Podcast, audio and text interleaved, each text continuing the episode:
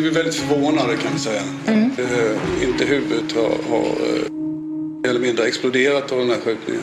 När kroppen hittas får polisen till slut en pusselbit de sökt. Blodet ligger under golvnivå. Det är inte synligt på något sätt. Men frågan är om det verkligen går till så som Therese Tang påstår. Min känsla är att han, han gör det först och främst utav kärlek till mm. Sara. Sen är han inte dummare att förstå att han får en ekonomisk vinning utav det. Rättegången ska kretsa kring Therese Tangs vittnesmål men också fyndet av Görans kropp. Det sista han ser det är ju att han är på väg att skrika någonting åt honom men innan han hinner göra det så då avfyrar han ett skott. Men betyder det att Martin var den som sköt?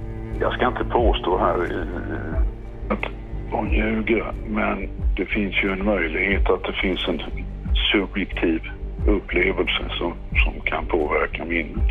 Och vad binder Sara till mordet egentligen? När det gäller båda de här personerna så, så är det helt klart så att man når upp till en, en viss misstankegrad eh, som räcker för häktning, skulle jag säga. Men sen har man inte kommit mycket längre.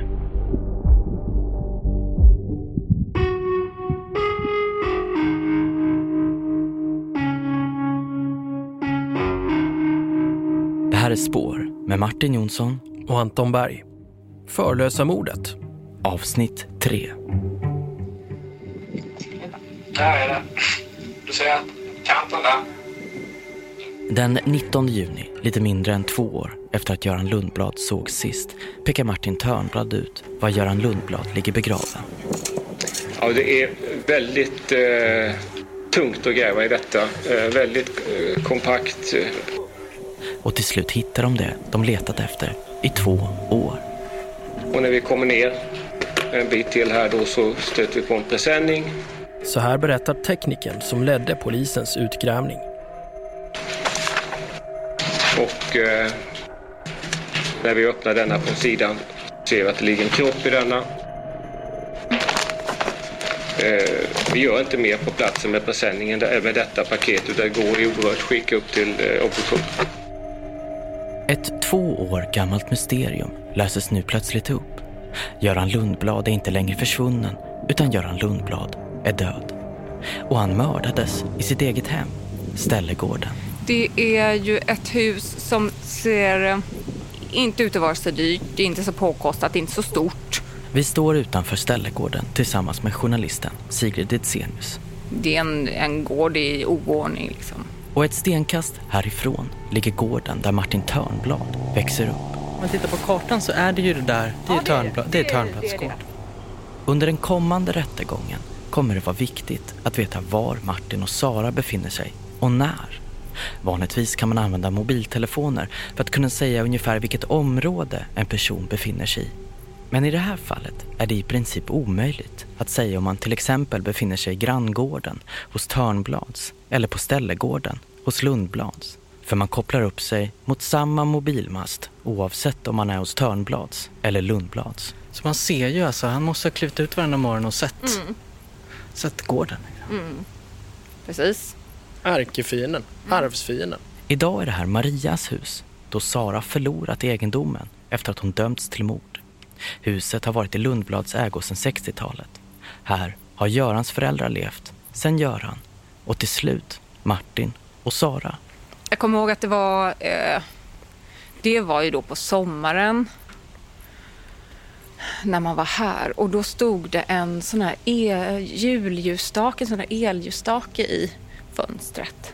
Fortfarande midsommar? Ja, de hade eldat här. Jag kommer ihåg det låg en liten, en, eh, en liten dock, delar av en docka låg det här. Där. Så fick en att tänka att eh, här, det här, någonting är inte riktigt eh, som det brukar vara i alla fall här. Sara Lundblad är 26 år när hon grips. Kort efter att Martin Törnblad erkänt för Therese Tang. Martin ska strax fylla 23. Det var ju skönt. Det var, ja, det var den midsommar. Det var grej. Fy sjutton, det var skönt. Det var ju som jag misstänkt som sagt. Nej, då, det, det kändes jätteskönt att de äntligen satt in dem. Det här är Mats Råberg. arrendatorn. Han som hade gården mitt emellan Törnblads och Lundblads. Det var Mats Råberg som Martin Törnblad förföljde med sin bil, som vi berättade om i det första avsnittet. Vi intervjuar honom tillsammans med sambon Britt-Marie, några hundra meter från Norra Förlösa. Nej, för att eh, det var jättejobbigt innan ju. Men men sen de, när de bara hämtade och satte in dem, sen blev det så lugnt i byn ju. Och sen när det hade gått några dagar, det, det var nästan som att bo i någon spökstad eller någonting kändes det som. För det var helt lugnt i gatorna, det var ingen som körde. För Martin hade ju kört hela dagarna i ände med bil och med, när, när han inte hade diesel till bilen så körde han med lastan eller med traktorn. Ja, och sen så... Eh, då var det precis tyst och lugnt. Och sen gick det, det gick flera veckor. Sen började folk cykla och folk började rida i gatan igen. Vi hade varit så stressade så vi hade inte ens märkt att folk inte vågade vistas i vårt, vårt vägnät här. Samtidigt som det var så förskräckligt att man fick det bekräftat så var det skönt för då tänker man att nu måste det ändå bli uppklarat. Var det bara Martin? Det var bara Martin jag egentligen var rädd för då. Sara hade inte ont av ett himla dugg. I det här avsnittet kommer vi fokusera på själva rättegången. För det är viktigt att förstå varför själva domen faller på det sätt som den gör. Åklagaren kommer lägga ett pussel som består för det första av Sara Lundblads märkliga beteende och passivitet efter det att Göran försvann. Ett beteende som väckt så stark misstanke att polisen avlyssnar Saras och Martins telefoner och ibland går igenom hela ställegården med sökhundar. Är de ute eller är de inne eller vad gör de? De är inne i huset och springer. De har varit i maskinhallen och logen och hållit på också. Okej. Ja, Vadå, vill de ha maskinhallen? ja, jag tror jag vet. Inte sagt något. Spännande. Ja. Hur kan hon vara så lugn när en av de absolut viktigaste personerna i hennes liv är borta? Nu kommer de ut igen. Hör de vad du säger eller? Ja. Och så åklagarens andra viktiga pusselbit, Therese Tangs berättelse. Han berättar först att eh, Sara vid ett tidigare tillfälle har försökt med en eh, skogsmaskin när hon var ute och jobbade med sin pappa. Att eh, få det att se ut som en olycka. Men eh, av eh, känslomässiga skäl så misslyckades hon. Så här låter det sen när Therese Tang som vittne återberättar vad Martin sagt under tingsrättsförhandlingarna. Med hjälp av Therese Tangs återgivande av det samtal som hon har haft med Martin ska åklagaren binda både Martin och Sara till mordet. Ehm, och sen hade de ju då börjat planera det här. Det är ett mord som Sara och Martin, enligt vad Therese Tang har hört, ska ha planerat tillsammans. Säger sen att de hade bestämt att han skulle komma upp på morgonen. Ta sig in i huset då, eller han ja, blir insläppt i huset. Och Sara, menar Therese Tang, ska enligt Martin ha sovit på ställegården den natten för att kunna släppa in Martin tidigt på morgonen. Och, eh, Om jag förstod dig rätt så när det gäller tidpunkten så skulle det ha varit på morgonen. Ja, alltså 7-7.30 till, till 14 där. Jag tror jag har sagt 7, men, men jag, är, jag är osäker. 7-7.30 där ish. Men hur mycket är ett återgivande av ett erkännande värt? Ett erkännande som varken är inspelat eller är gjort till en polis eller någon av utredarna i ärendet. Rättegången kommer att koka ner till den viktiga frågan. För den delen som är inspelad, den visar ju sig vara sann. Där är det. Du ser kanten där. Vägen, är det, en, är det en väg eller vad är det för någonting? Det är gräns till grannen. Diket är där. Så frågan blir då, vad av det Martin sagt som inte är inspelat går att belägga? Hur ska man kunna verifiera det som Therese Tang menar att Martin har sagt? Och finns det en risk att Therese Tangs motiv för att få Martin att erkänna grumlar till själva erkännandet? Under tiden som rättegången kommer pågå kommer Therese Tang att bli intervjuad i media flera gånger.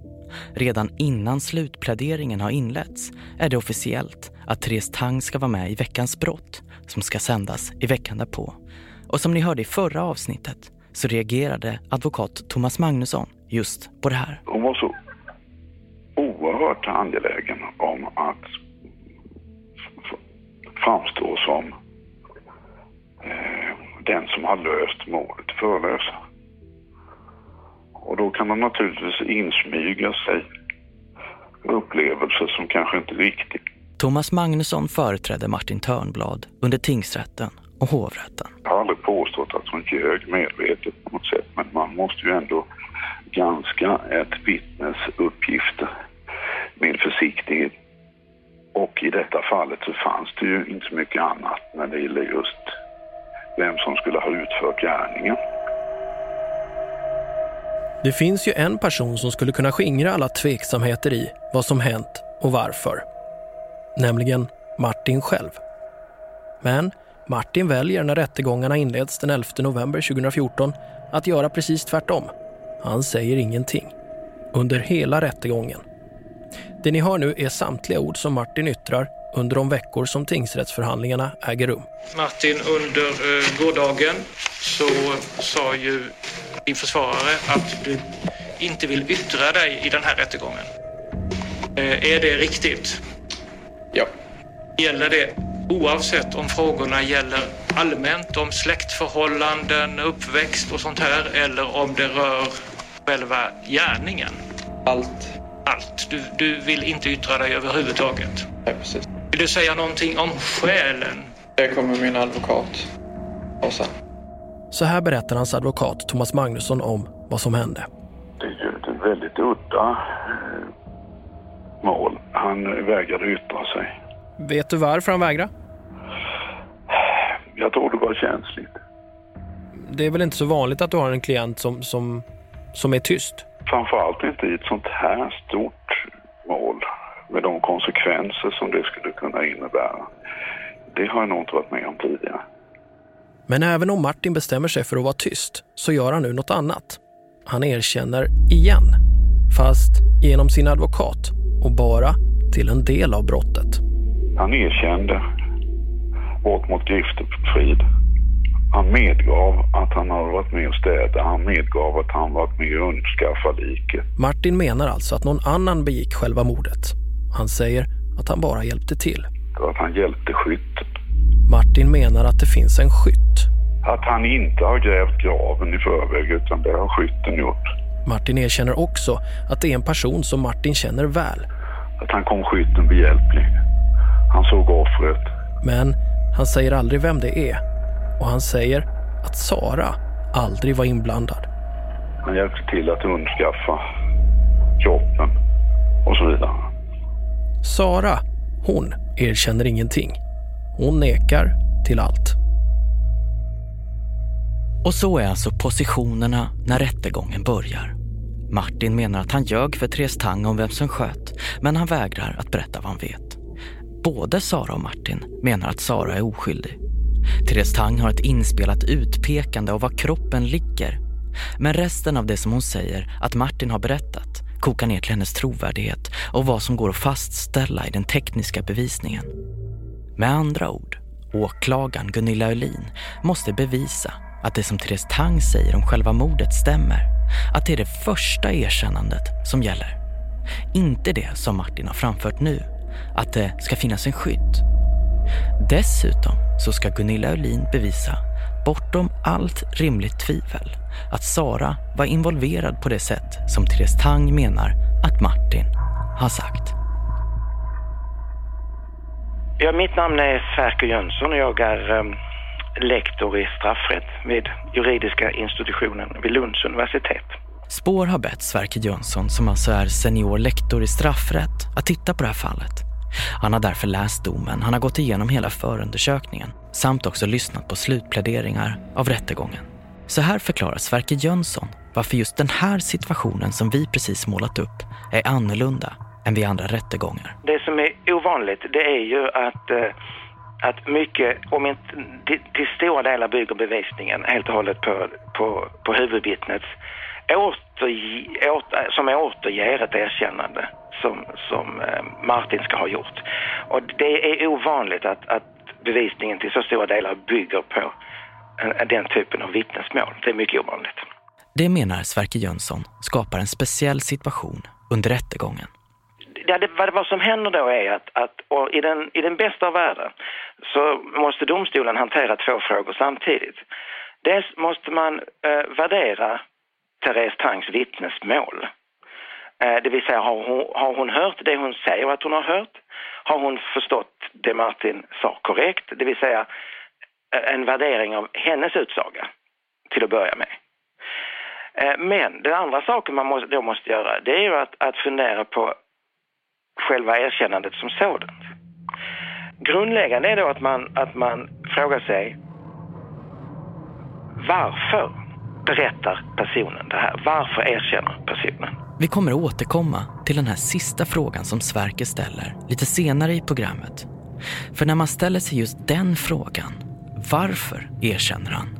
Öppnas det upp nya scenarion och nya möjligheter till vad som faktiskt kan ha hänt. Men innan dess måste man förstå hur både tingsrätt och sen också hovrätten väljer att döma både Martin och Sara för att ha mördat Göran Lundblad. Och för att förstå det så ska vi nu återgå till tiden vid midsommar 2014.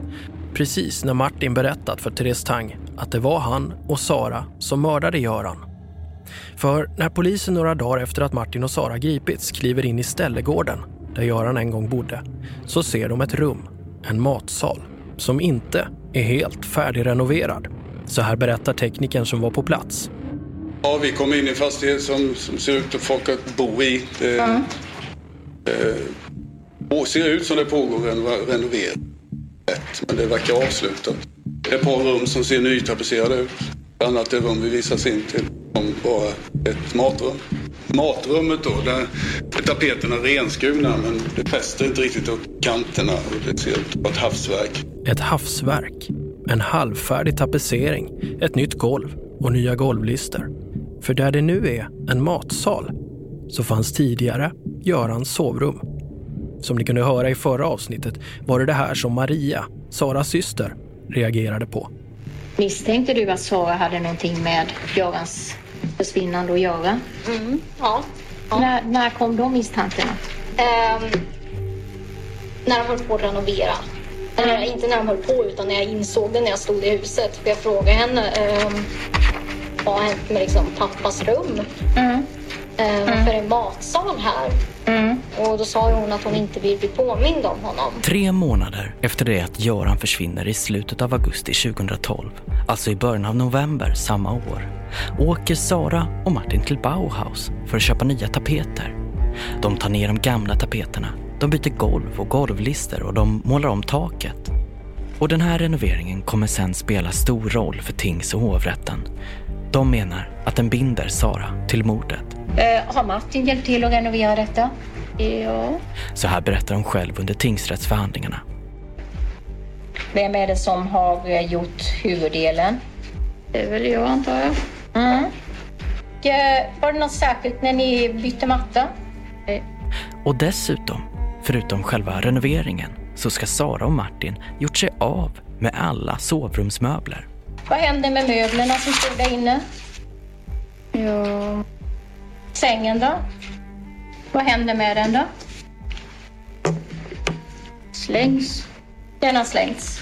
Och det är i den sängen där Göran Lundblad ligger när han skjuts i huvudet av Martin, enligt Therese Tang, med ett hagelgevär. Samtidigt som Sara ska ha väntat utanför. Han går fram till Göran som då ligger på sidan. Han hör ju antagligen då att någon mm. kommer, vilket mm. gör att han vrider upp sig och vänder, vänder upp huvudet emot honom då.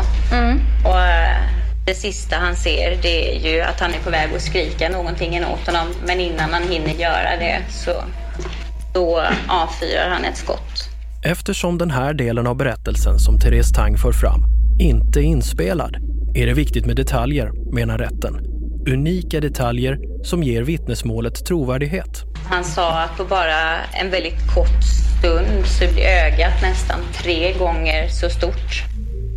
Eh, och det tyckte han var väldigt läbbigt att se. Mm. Han förklarar även att bara på några minuter så började det lukta väldigt illa. Mm. Du har ett fantastiskt minne, Therese. Eh, ja, jag har fått höra det förr. Och detaljen om ögat som expanderas är just en sån ovanlig detalj som styrker Therese Tangs trovärdighet. För när polisens tekniker sen beskriver hur Görans kropp ser ut vid obduktionen så finns det likheter. Vi är väldigt förvånade kan vi säga. Eh, inte huvudet har, har eh, mer eller mindre exploderat av den här skjutningen. Hudkostymen har hållit ihop. Det som händer rent praktiskt det är ju att den expanderar hela huvudet. Och sen så går det tillbaka med trycket. I och med det så har det inte blivit det som vi brukar se när man skjuter huvudet av folk. Det är att det blir hål i bak. Och sen har man då sprut precis överallt. Det har inte hänt här. På den plats där Göran Lundblads säng stod hittar polisens tekniker avgörande bevis för att något hänt exakt där. Och här kommer då det blodet vi har säkrat. Man gör fynd av blod. Blodet ligger under golvnivå. Det är inte synligt på något sätt. Blodet är under golvet. Det har runnit ner. Det här blodet som har kommit ner i tretexten måste ha varit utspätt. Utan att lägga orden i munnen på det så verkar det som man har städat, om jag får använda det uttrycket, ganska så grundligt. Det är vår uppfattning. Och fyndet av blod som enligt polisens tekniker var utspätt med en vätska överensstämmer även här med vad Therese Tang säger att Martin har erkänt. Att han har städat med starkt rengöringsmedel. De ska ha eh, använt sig utav... Eh, han säger att det har gått åt mängder med flaskor Sillit Bang. För er som lyssnar via Acasts app kan ni se en bild nu där man får se stora mängder rengöringsmedel som fanns i städskrubben på Ställegården. Renoveringen var de ju två om. Och Sara, ska det visa sig, har under renoveringen försökt få bort de gamla tapeterna med en tapetborttagare på just den plats där Görans säng stod. Men inte någon annanstans i rummet. Jag testade en sån här eh, petborttagare eller vad det heter. Men min rygg pallar inte av det. Hela rummet så det blev bara en liten bit. Det blev bara en liten bit. Och varför blev det just på den väggen som det blev? Eh, Vägguttaget sitter där. Och när Therese Tang vittnar så har hon bilden klar för sig. Fick du någon uppfattning om vem det var som säger som skulle vara hjärnan i den här berättelsen? Sara utan tvekan. Mm. Vad är det som gör Martin det? skulle inte vara kapabel till att kunna planera en sån här sak och genomföra en sån här sak. Mm. Kan, du, kan du berätta lite va- varför, med den erfarenhet du har, som gör att du inte bedömer honom kapabel till att vara hjärnan bakom det här? Ja, han, han gör det som han blir tillsagd det är bäst att göra helt enkelt. Min känsla är att han, han gör det i, först och främst utav kärlek till Mm. Sara. Sen är han inte dummare att förstå att han får en ekonomisk vinning utav det. Mm. Men att eh, utan hennes drivande faktor så hade det inte skett. Mm. Therese Tang är genomgående under hela utredningen väldigt säker på vad hon upplevt. Utom vid en mycket viktig punkt. Så här berättar Martins advokat Thomas Magnusson. Hon berättar konsekvent under hela utredningen om att Martin skulle ha berättat om att mordet ägde rum klockan 07.30. Eh, och sen ändrar hon den uppgiften mellan 07 till 07.30.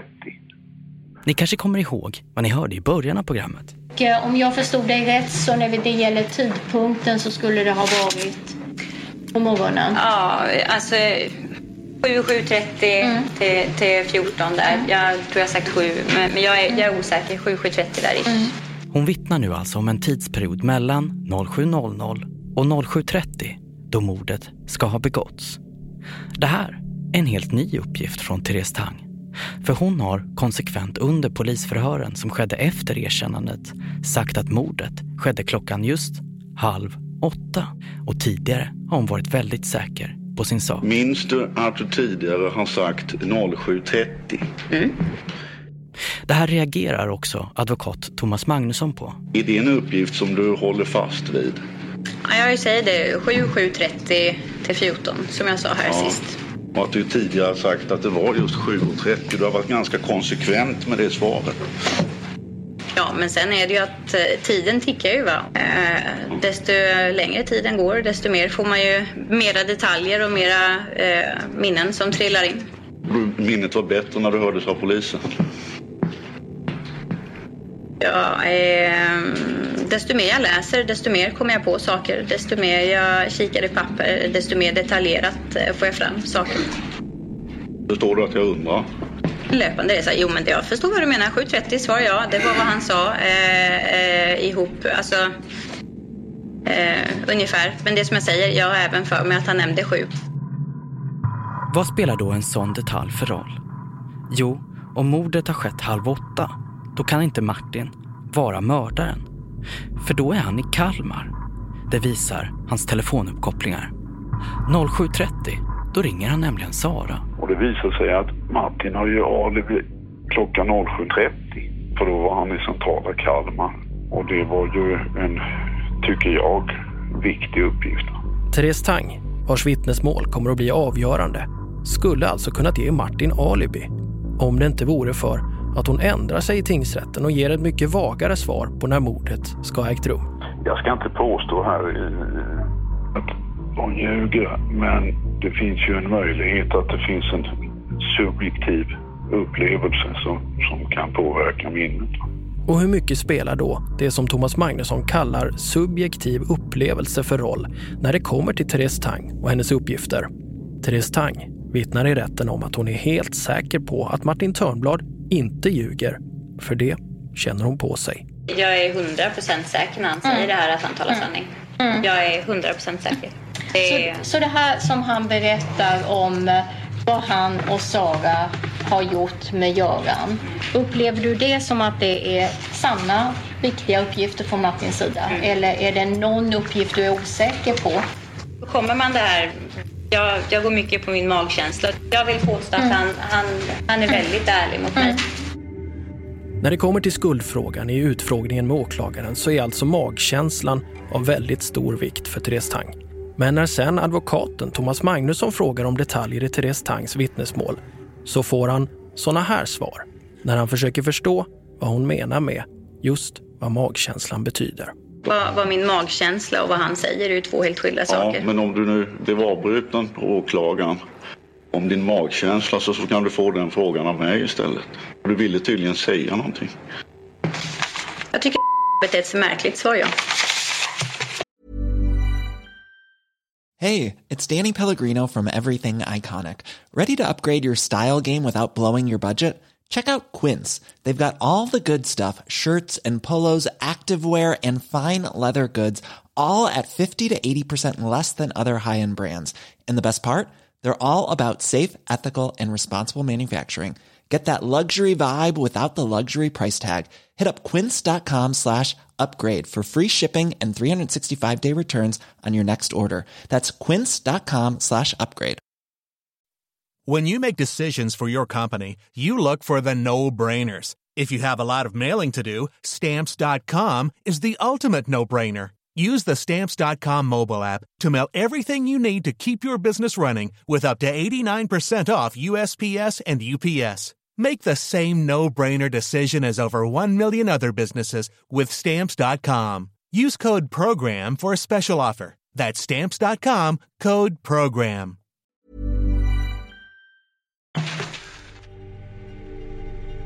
Men vad betyder då allt det här? Onekligen kan man tycka att det ser mörkt ut för Martin och Sara. För till stora delar så verkar det ju stämma det som Therese menar att Martin har sagt. Göran dog med stor sannolikhet på den platsen där han låg och sov. Detaljer som Therese Tang berättat om, hur Görans kropp förändrades efter skotten avlossats, stämmer också med obduktionsrapporten. Det finns blod under golvet som runnit ner dit efter att man städat med kraftiga rengöringsmedel. Något som också Martin ska ha sagt till Therese. Hela golvet är sedan utbytt, tapeterna är nya och taket är målat. Görans säng är försvunnen. Dessutom så ska Sara också ha ångat tapeter på exakt den vägg där Görans säng stod, men ingen annanstans. Varför renovera om sin pappas sovrum och göra om det till matsal om ens pappa bara är försvunnen sedan två månader tillbaka och en dag kanske kommer tillbaks? Just Saras agerande och framförallt beteende kommer vi återkomma till om en stund. Men just nu så ska vi, för att skilja de två åtalade åt, fokusera på Martins erkännande. För där återstår en viktig fråga. Grundläggande är då att man, att man frågar sig varför berättar personen det här? Varför erkänner personen? Sverker Jönsson, som alltså är seniorlektor i straffrätt, menar att det skett en felaktig fokusförskjutning. Från just den fundamentala frågan, varför erkände han från början? Till att fokusera helt på Therese Tangs trovärdighet, som ni också hört är hög. De saker hon berättar går till stora delar att bekräfta i den tekniska bevisningen. För man, man, man är väldigt fokuserad på Therese Tangs trovärdighet. Men man glömmer bort eh, att, att på, på allvar eh, undersöka erkännandet som sådant. Men då kan man ju säga att när det väl går att kontrollera, när det väl spelas in, då får hon ju rätt information för han säger ju att kroppen är där den är. Man hittar ju kroppen där, där Martin pekar ut. Men vilken är källan till de detaljer som finns i erkännandet? Eh, och vad menar jag med det? Jo, jag menar att källan till den information som finns i, i det här erkännandet, eh, behör, den kan ju komma ifrån, den kan Martin ha fått någon annanstans ifrån. Någon som är gärningsmannen kan ha berättat för Martin hur det gick till till exempel. Martin kan ha varit ett vittne till händelsen. Ja, det, för, ja, för där resonerar man ju ändå kring eh, om de här upplevelserna med ögat som växer och ehm, att man menar att det här måste Martin ha varit med om. Annars hade han inte berättat så här. Nej, men, men till exempel den detaljen kan ju mycket väl någon som, som är ett vittne också ha lagt märke till. Man behöver inte ha varit mördare för att ha sett det. Nej, inte nödvändigtvis. Alltså den här kontrasten mellan eh, tal, talförheten i, i situationen med Therese Tang och den totala vändningen sen i polisförhör. För mig är det en, är det en, ställer det frågor kring varför erkänner han för henne? Eh, var har han fått informationen ifrån? Och om Martin kan ha fått informationen någon annanstans ifrån, kan det då röra sig om ett falskt erkännande? Ja, den möjligheten finns. Det menar i alla fall Sverker Jönsson, som alltså gått igenom förundersökningen och granskat domen. Första frågan man ska ställa sig är, det, kan det finnas något skäl eh, för den här personen att falskt erkänna? Eh, och när det gäller då eh, vad forskningen säger om vilka skäl kan det finnas att erkänna ett brott falskt, ehm, så finns det en, en, en huvud... Alltså i forskningen kan man säga att det finns några Eh, traditionella eller, eller typiska fall. Och ett sånt väldigt typiskt fall är att man, den som erkänner skyddar den verkliga gärningsmannen. Och det kan vara att man är hotad av den verkliga gärningsmannen. Eller det kan vara att man, eh, det är en närstående eller vän eller någon som man har ett intresse, som man, som man känner starkt för och så, som man vill ta på sig det här brottet för att den här personen ska slippa bestraffning. Ni som lyssnar via Acast app kan nu se länkar till en forskning och de forskare som Sverker Jönsson hänvisar till nu när han pratar om falska erkännanden. Begreppet falska erkännanden är fortfarande kontroversiellt för en del. Det menar också en av de forskare som också Sverker Jönsson hänvisar till, den amerikanska professorn Saul Cassin. Så här säger professor Cassin själv i en intervju från 2010. What I think is one of the most counterintuitive aspects of human behavior and that is uh, the tendency for people to give confessions to crimes they did not commit. People actually intuitively have a better grasp on why somebody might kill themselves and commit suicide than understand why somebody might confess to a crime they did not commit. You would think, in terms of how common it is, that it almost never happens. Uh, when I first got involved in false confession, in the study of false confessions, it was my sense that I was studying a fascinating aspect of social influence, but not an aspect of social influence that was common. The more I see and the more data that have come out, the more we come to realize that people often confess to crimes they did not commit. Professor Kassin menar alltså att det är lättare att förstå varför någon tar livet av sig än varför någon skulle vilja ta på sig ett brott de inte har begått. För Martin ska det finnas ytterligare ett motiv, förutom att skydda någon, till att erkänna falskt för Therese Tang. Det menar Sverker Jönsson. Ehm, och förutom att skydda den verkliga gärningsmannen så en annan sån här eh, kontrollfråga man ska ställa är att finns det några andra fördelar som personen har, kanske mer kortsiktigt? En fråga som väcktes hos mig när jag, när jag läst domarna eh, och Therese Tangs vittnesmål eh, eh, och en del i förundersökningen, det är ju att, att eh, förefaller som att Martin har haft ett romantiskt intresse i Therese Tang eh, eh, under den här tiden. För när Martin kliver in där i huset där Therese Tang befinner sig i Gamleby, när själva erkännandet äger rum, har de som vi berättade i förra avsnittet tidigare pratat i telefon i timmar om intima saker, mitt i natten. Tjena, det var Therese. Men det går säkert att säga att Martins romantiska föreställning inte delas av Therese Tang. För redan där i inledningen av samtalet ska Therese Tang ljuga för Martin för att få hans förtroende genom att påstå att hon druckit vin. Ja, lite. Jag har faktiskt eh, hävt i mig ett glas vin, så jag, eller två, så jag mår rätt bra faktiskt. Men det viktiga är inte här vad Therese Tang tycker om de romantiska föreställningarna, utan vad Martin kan ha trott ska hända sen. För enligt Therese Tang så ska han, Martin, till och med börjat prata om att flytta ihop efter att han erkänt för henne. Det som jag säger, han hade ju redan uppgett liksom en gård där vi kunde bo på och hur det skulle lösa sig. Och att han skulle se mina barn som hans och att han trodde att jag skulle bli en strålande mamma till Vince. Sverker Jönsson menar därför att Martin kan ha försökt ställa sig in hos Therese Tang genom att göra det som hon fiskar efter. Att berätta om Göran Lundblad. Kan det vara så att, att i den specifika situationen när de för sitt samtal där att, att eh, ja men att, att eh, det har varit ett, ett sätt att komma nära varandra på helt enkelt. Så i den här situationen är alltså rollerna oklara när själva erkännandet ska ha getts. Vilka signaler har egentligen Therese Tang gett till Martin? Vad tror Martin ska hända? För trots att Therese Tang lyckas med det som polisen misslyckats med under sina två år som Göran Lundblad var försvunnen, att få någon att både erkänna ett mord men också peka ut på en karta var Göran Lundblad ligger begravd, så säger det också något om hela situationen. För om det är något som hon inte är i den här stunden så är det just utbildad polis. Och frågan är hur det påverkar informationen som hon får. Nästan unikt med det här fallet, det är ju det här då att, att, att den här, som jag sa, den här förhörssituationen är okontrollerad. Och det, det, det resonerar man inte heller omkring. Det vill säga att, att Therese Tang är ju inte utbildad förhörsledare. Um, och, och det innebär ju flera saker. Dels innebär det att hon, hennes sätt att ställa frågor på inte är inriktade i den situationen på att skaffa korrekt information till en polisutredning.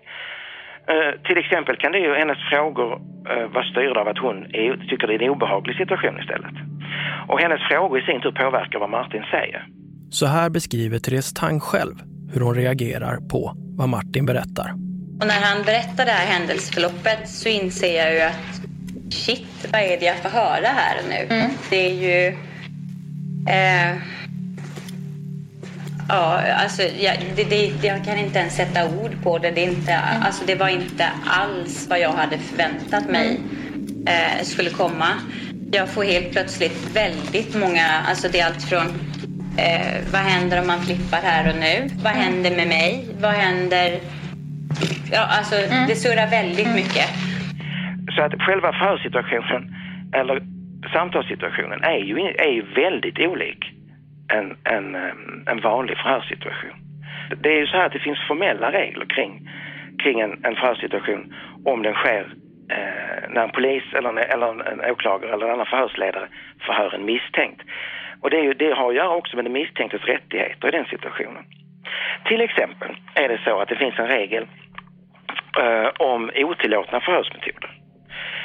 Eh, som säger det att, att i en förhörssituation så får man inte i syfte att framkalla en bekännelse eller ett uttalande i en viss riktning, alltså för att få fram viss information, så får man inte använda medvetet oriktiga uppgifter. Man får inte ge löften eh, eller förespeglingar om förmåner.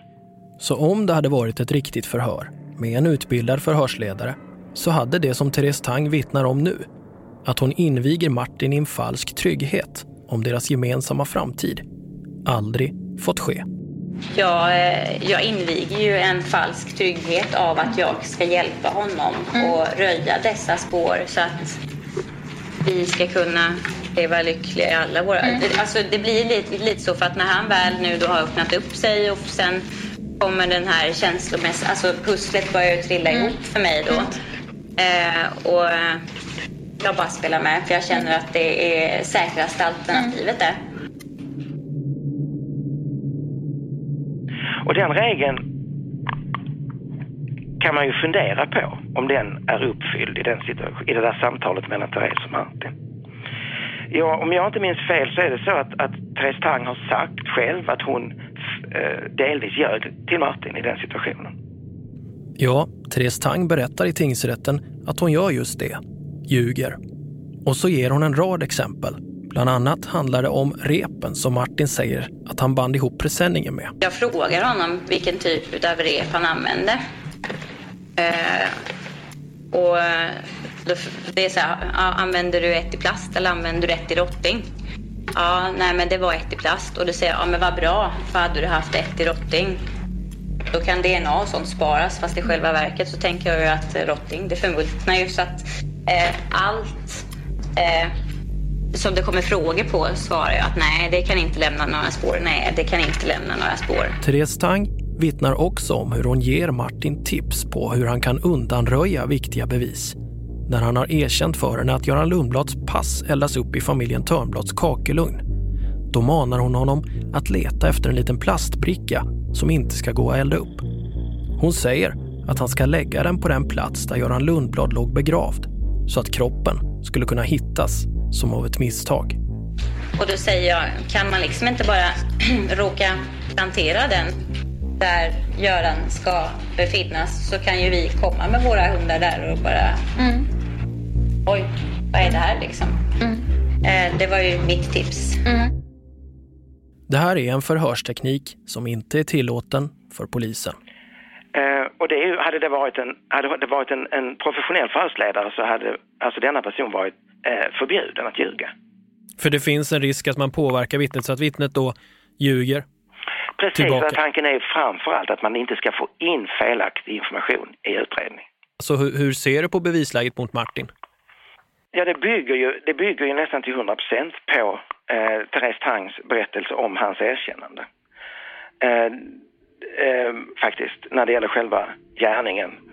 Och, och det gör ju att, att eh, eftersom man inte ställer de frågor jag har just redogjort för eh, så jag är lite tveksam till om man verkligen, om det verkligen inte finns något tvivel kvar.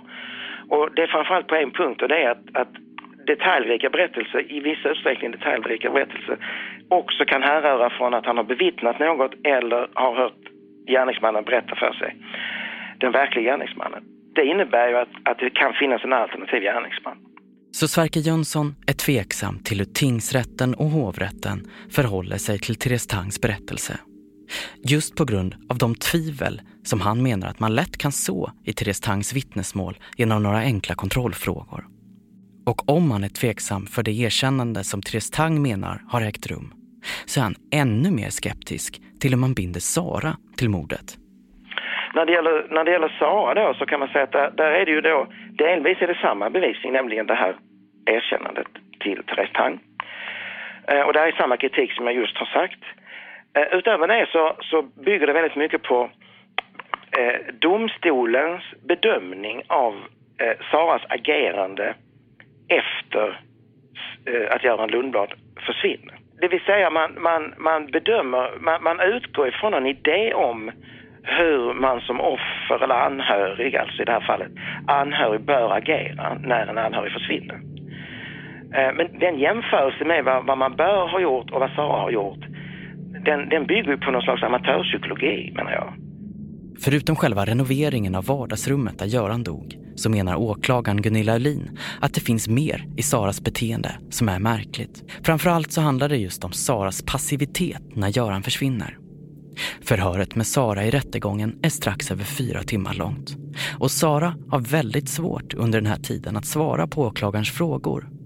Som exempelvis när åklagaren ber Sara beskriva om Göran någonsin försvunnit så här tidigare. Hur många gånger har det hänt att du och Göran har bråkat och han har försvunnit? Inte så ofta. Inte ofta. Har det hänt någon gång? Jag vet att han har dragit ut i skogen någon gång ibland. Mm. Men har det hänt någon gång att han har varit borta? Från det att du lämnar honom en kväll och sedan så inte är hemma dagen efter och inte heller dagen därpå? Man brukar ju liksom lägga en lapp då i sådana fall. Mm. Men ska jag tolka det Sara som att det har aldrig hänt tidigare? Nej, inte direkt. Och ändå så vidtar du inga åtgärder. Om jag hade varit i din situation så hade jag blivit fruktansvärt orolig om jag inte får tag på min pappa med tanke på hur nära ni stod varandra. Och att han aldrig har betett sig på det här viset tidigare. Ja, men varför tror du att jag ringde Natalia egentligen liksom och var upprörd? Mm. Ja, samtalet med Natalia som Sara berättar att hon ringt. Det är till Görans förra fru, lilla syster Marias mamma. För när det har gått några dagar efter att Göran försvinner så ringer Sara nämligen Natalia och berättar att han är borta. Hon var ledsen och sa att eh, Sara och hon och Göran bråkade i, torsdags. Nu är han borta. Och hon var så ledsen så jag tyckte så synd om henne. Mm. Jag tröstade henne. Mm. Så fick jag veta. När Göran är arg han kan säga elaka saker Mm. också. Kanske sagt han något elakat och Sara tog det så personligt. Hon är en väldigt känslig flicka.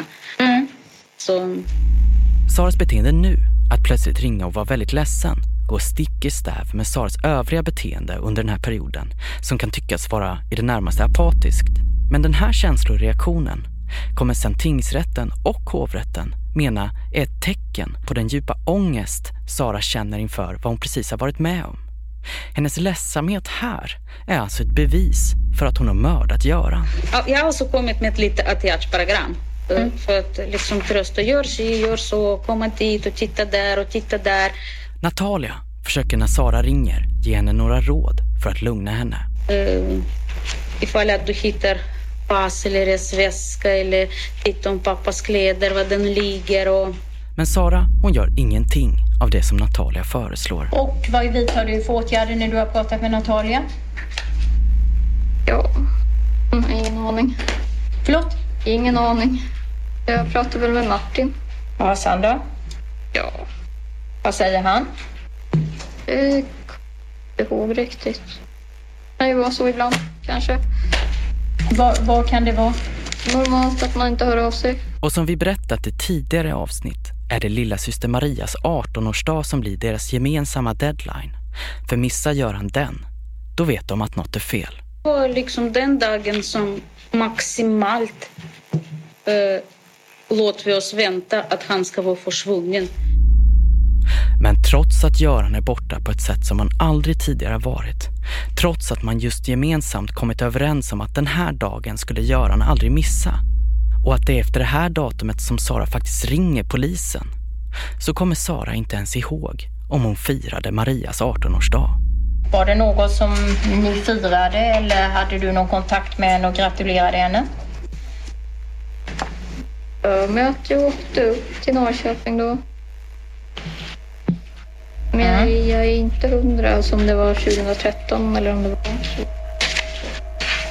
Men du, du har en, en syster som du umgås med. Ja. Och det har hänt då en ganska traumatisk händelse. Er gemensamma pappa är försvunnen. Hon fyller 18 år, det är ju en lite speciell födelsedag. Då borde du ju nästan komma på ifall du var uppe och hälsade på henne den 18 eller inte. Förlåt, den 6 eller inte. Men det är det jag inte kommer ihåg. Lider du av dåligt minne eller? Nej, men jag kanske inte antecknar allting jag gör. Men Sara, hon gör ändå några försök att leta efter Göran. Men det är försök som åklagaren menar inte står i proportion till vad som faktiskt har hänt. Ja, vidtar du några åtgärder för att leta efter pappa? Jag var ute och red någon gång. Mer? Jag var ute och letade då ett tag. Du letade? Ja. På vilka ställen då? Jag, för mig, jag tror jag åkte upp till Valebo en sväng. Och mer? Eh, vi åkte väl in till Kalmar. Mm. Det är allt vad du gör för att leta efter pappa i, hemma i omgivningarna? Ja. Mm. Det är inte mitt ansvar att vara dagisfröken tänkte jag säga att det är pappa, han klarar sig. Bryr du dig inte själv? Jo. Den här förespeglingen om hur man borde bete sig när någon försvinner, hur man ska må, hur mycket man borde leta för att nå upp till någon form av normalnivå för att kunna fastställa vad som borde vara acceptabelt. Det är ett problem, menar Sverker Jönsson. Alltså här har domstolen utgått ifrån hur, hur skulle jag ha tänkt här och sådär. Och det är ju ingen stadga i ett sånt resonemang. Alltså hennes bristande reaktioner.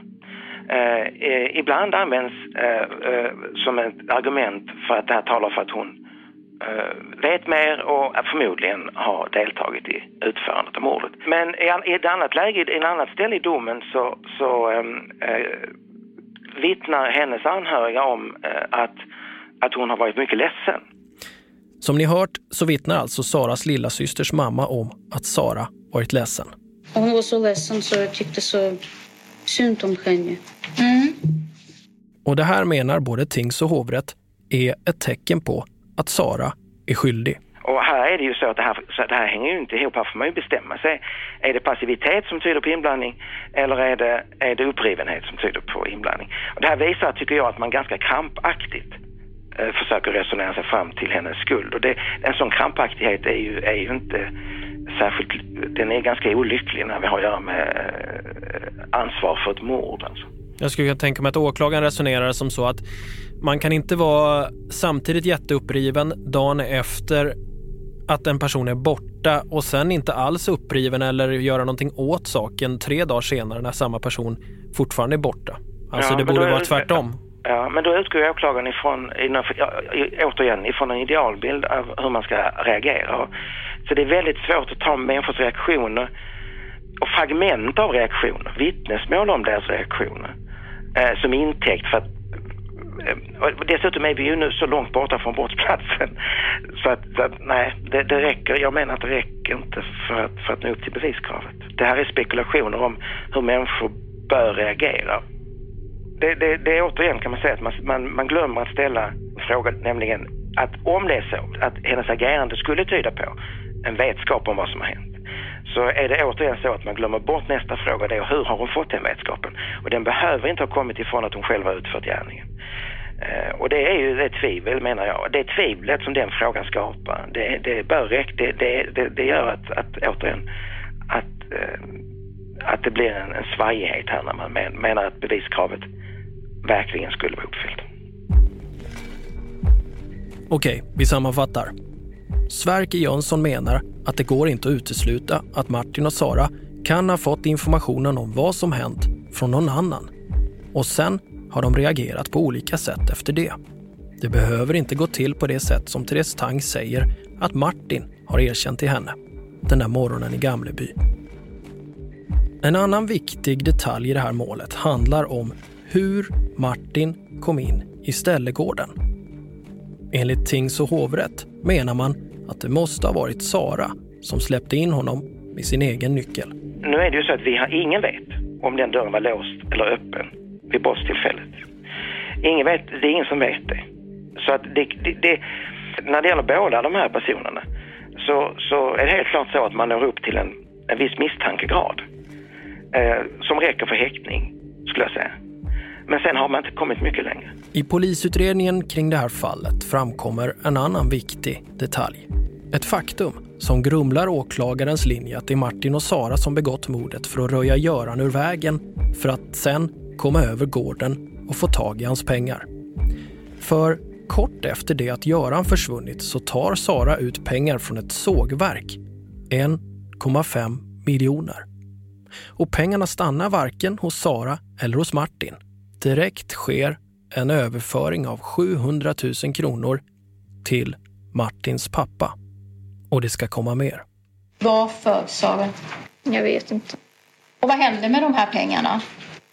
Uttömt ölblad. Och varför gör du det? Jag vet inte. Har de någon hållhake på dig? Nej. Inte att Martin skulle bråka med mig om jag vägrar. Har han bråkat med dig vid något tillfälle för att du har vägrat låna ut pengar till honom? Inte direkt. Varför skulle han göra det nu då? Jag vet inte. De Deras... är väl i behov av pengar liksom. Så. Mm. Har han misshandlat dig fysiskt någon gång? Det har han inte gjort. Har han misshandlat dig eller varit dum vid dig på något annat sätt? Mm. Något du vill berätta om? Nej. Det skrivs aldrig skuldebrev mellan Sara och Martins pappa utan pengarna förs in på Åkes företagskonto. Och det är inte bara direkta pengar som Sara betalar till Törnblads. Sara betalar också för maskiner som familjen använder. Ungefär vad uppgår de till? 300. 400. 300 000 ungefär. Har du fått tillbaks något av de här pengarna? Nej. Frågan blir då, varför? Varför börja betala familjen Törnblad pengar? Jag förstår fortfarande inte hur det kommer sig att du betalar så pass mycket pengar till dem. Pappa, pappa är försvunnen. Och du då betalar ändå så pass stora summor pengar till familjen Törnblad. Du säger att de har ingen hållhake på dig. Utan då måste det finnas något annat skäl till varför du gör det. Nej, jag kanske trodde väl att det var någon framtid med mig och Martin och så. Den gemensamma framtiden för Martin och Sara kom att formas av en komponent som de inte tycks räknat med. För eftersom Göran anmäls som försvunnen så tillsätts en god man som ska representera Göran Lundblad. Den gode mannen ansvarar för Görans tillgångar och ägor utifall att han skulle komma tillbaka. Och den första gode mannen, det är grannen, Ann-Kristin Simonsson. Hon blir officiellt godman den 26 oktober 2012, drygt två månader efter det att Göran försvann. Vad det gäller mig som god man och mot Sara så hade vi ju inga kontroverser utan det gick jättebra. Vi träffar henne tillsammans med Mats Råberg, arrendatorn som blev trakasserad och hans sambo Britt-Marie Einarsson, som ni hört tidigare. Men Martin ville ju gärna vara med. Men han var nog med två gånger har för mig. Men så sa jag det att jag vill inte att Martin ska vara med utan jag tycker det här fixar vi själva. Men sen börjar Martin lägga sig i och Sara och Martin blir mer och mer frustrerade. Så pass att Martin vill göra sig av med den gode mannen Ann-Kristin Simonsson. Han vill skjuta henne. Vad gör du då? Jag är klar nu. Alltså, hos Ann-Kristin? Ja. Ja. ja. Vill du att jag ska berätta eller ska jag skita i som vanligt eller? ja. Jag vet inte. Vill du att jag ska berätta att jag går och skjuter huvudet av mig snart eller vill du att jag ska bara göra att hålla käften? Nej, omöjligt. Jag vet inte. Det är väl enda gången man får någon respekt för den här jävla världen. Tycker inte du ska hålla på sådär Martin. Jaha. Jag skjuter kärnjäveln också innan. Så Ann-Kristin Simonsson slutar. Och så här beskriver hennes chef, Ann Vribe på överförmyndarnämnden, vad som hände. Ann-Kristin Simonsson ville bli entledigad. Okej. Ann-Kristin kände lite obehag i det här ärendet. Eh, Hon kom, fick inte reda på allt. Det var svårt att få fram upplysningar och eh, hon kände, lite, kände sig lite hotad också. På vilket sätt då? Kände sig lite hotad av Martin och Åke som kom hem till henne och föreslog saker och ting. Men eh, ja, ja, det, det var obehag tyckte hon i alla fall. Okej. Mm. Efter att Ann-Kristin Simonsson slutar så föreslår Sara att en ny person ska bli god man. Den Sara föreslår är Martins pappa. Vi gjorde en koll på Åke och eh, den visade att han kunde inte komma i fråga för att bli god man. Varför det? Vi kollade i belastningsregistret och i, hos Kronofogden och han hade för, eh, för många betalningsförläggande. Okej. Mm. Ann-Kristin Simonsson blir ersatt av en annan god man, Lars Bimby, den 2 april 2013. Och Lars Bimby går ännu längre i att företräda Göran Lundblads intressen än vad Ann-Kristin gjort. Han, som representant för Göran Lundblad, stryper alla Görans utgifter. Bland annat avslutar han mobiltelefonabonnemang. De här abonnemangen visar sig vara bland annat Saras som inte längre kan använda sin telefon som hennes pappa tidigare betalat. Det skär sig direkt mellan Bimby och Sara. Bland annat undersöker Sara möjligheten om att det skulle gå att gå runt Lars Bimby om de hade en så kallad generalfullmakt. Den skulle i så fall ge Sara full kontroll över Görans alla tillgångar. Det är en fullmakt som de av en händelse hittar på Görans kontor. Undertecknad av Göran Lundblad redan 2009. Men den hittas precis när frustrationen mot Lars Bimby är som störst. Mm, sen så hittade jag den där. Och vad skulle den här fullmakten innebära då?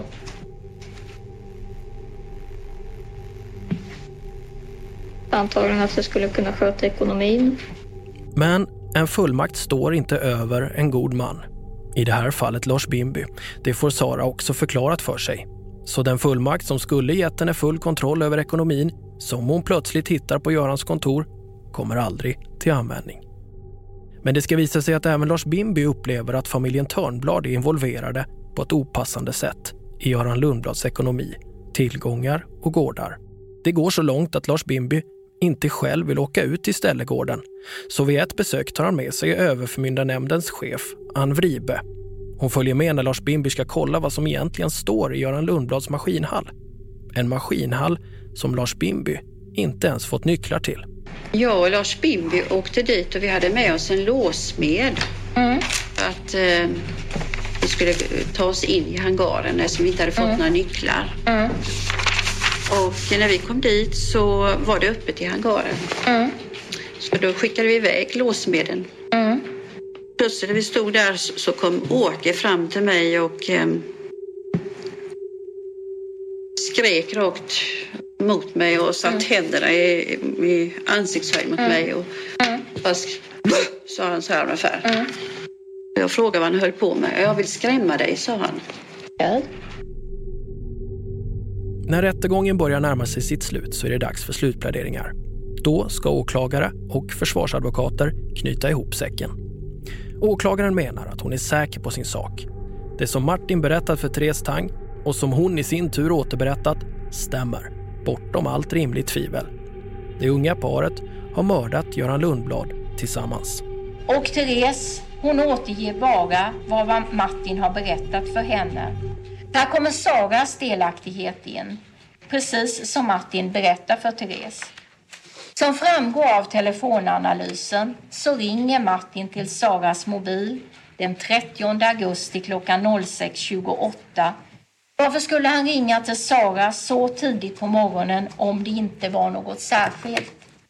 Istället menar jag så ger just detta mobilsamtal stöd för den uppgift som Martin lämnat till, till Therese om att Sara sov hemma i Ställegården den, Ställegården den natten. För Martin måste ju bli insläppt på något sätt. Om inte Sara var där och släppte in Martin så måste han ha fått en nyckel. Och vem är den enda som kan ha försett honom med nyckel? Jo, Sara. Martin berättar vidare för Therese hur han går till vida när han dödar Göran. Vilket vapen han har, hur han står, vad som händer och så vidare. Avstånd och skjutvinkel som Martin berättar om för Therese stämmer och bekräftas av de sakkunniga. Hur skulle Martin kunna veta detta om han inte är skytten? Samma sak gäller hur snabbt det började lukta, hur snabbt ögat växte till tredubbel storlek. Omöjligt att veta att in, du inte var där. Och det här resonemanget håller både tings och hovrätten med om. Man menar att Martins tystnad är ett tecken på att han inte vågar möta den bevisning som talar emot honom. Och tystnaden i sig är också ett bevis på att det nya erkännandet är falskt. Om han nu är oskyldig, varför medverkar han inte då till att bevisa det? Dagens stora nyhet får vi väl kalla den då, att hovrätten idag fastställer tingsrättsdomen mot det unga par som mördat en äldre man i Förlösa norr om Kalmar 2012. Vi har snackat med åklagaren Gunilla Öhlin idag och hon tycker att hovrätten tog rätt beslut. Det här är ett djupt tragiskt ärende som jag tror att vi alla som har arbetat med det här ärendet kommer att föra med oss resten av livet. Men den juridiska experten Sverker Jönsson, som tittat på fallet, är inte lika övertygad som Gunilla Öhlin. Han går så långt som att säga att utredningen eventuellt inte är färdig. Det finns ju en, en, en gedigen teknisk utredning kring, som, som, som verifierar att mordet har ägt rum i det rum i, det, i sovrummet i bostaden och, och även hur skottet förmodligen har, har avlossat. Eh, det råder ju inget tvivel om hur det här mordet har gått till. Men är utredningen färdig? Ja, alltså, det, man har ju inte, man har inte gått till botten med till exempel alternativa gärningsmän skulle jag säga. Sverker Jönsson menar alltså att man inte utraderat alla möjligheter till att det faktiskt kan finnas en alternativ gärningsman. Precis det som Martin erkänt vid tingsrätten. Och när Thomas Magnusson gör sin slutplädering. Hans berättelse genom mig, det går ju ut på att han har kunskap om mordet efter egna iakttagelser då han har anlänt till mordplatsen. Ja, då går han så långt att han börjar spekulera i vem skytten är. Vad har då Martin för motiv att hålla tyst? Som han har gjort, även under rättegången. Trots allt ganska ovanligt.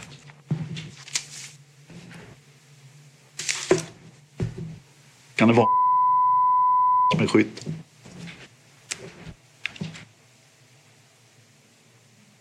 Skulle blod eh, är tjockare än vatten kunna vara ett tillräckligt starkt motiv att riskera ett långvarigt fängelsestraff och inte vara tyst.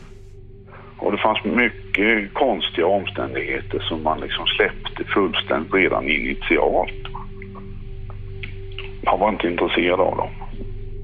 Den person som Magnusson här spekulerar kring kommer vi inte att namnge. Men personen figurerar i utredningen.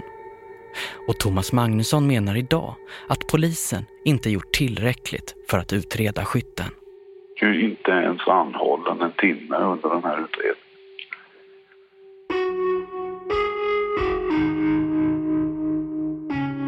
I nästa avsnitt av Spår. Hallå, hallå! Hej, vi ska träffa Martin Törnblad. Vad heter ni? Martin Jonsson och Anton Berg. Då är ni välkomna. Tack så mycket. Det Thomas Magnusson för fram är trots allt bara spekulationer från en försvarsadvokat vars främsta och enda lojalitet är gentemot sin klient. Frågan är vad Martin Törnblad själv har att säga. Och det här att jag ljuger om saker, det har jag gjort ända sedan jag var liten. Och jag tror att jag har blivit successivt bättre och bättre på det hela tiden. Och jag har inga spärrar när det gäller eh, grovheten på mina lögner eller grovheten på att utsätta någon annan människa för psykiskt lidande. Eh, jag har inte de gränserna liksom. Spår görs av produktionsbolaget A1 Produktion i samarbete med Acast. Exekutiv producent är Carl Rosander, projektledare Vian Jalal. Researcher Nina Silventoinen. Musiken görs av Underton och ljudtekniker Jonas Sjöberg. Följ och diskutera spår på hashtag sparpodcast.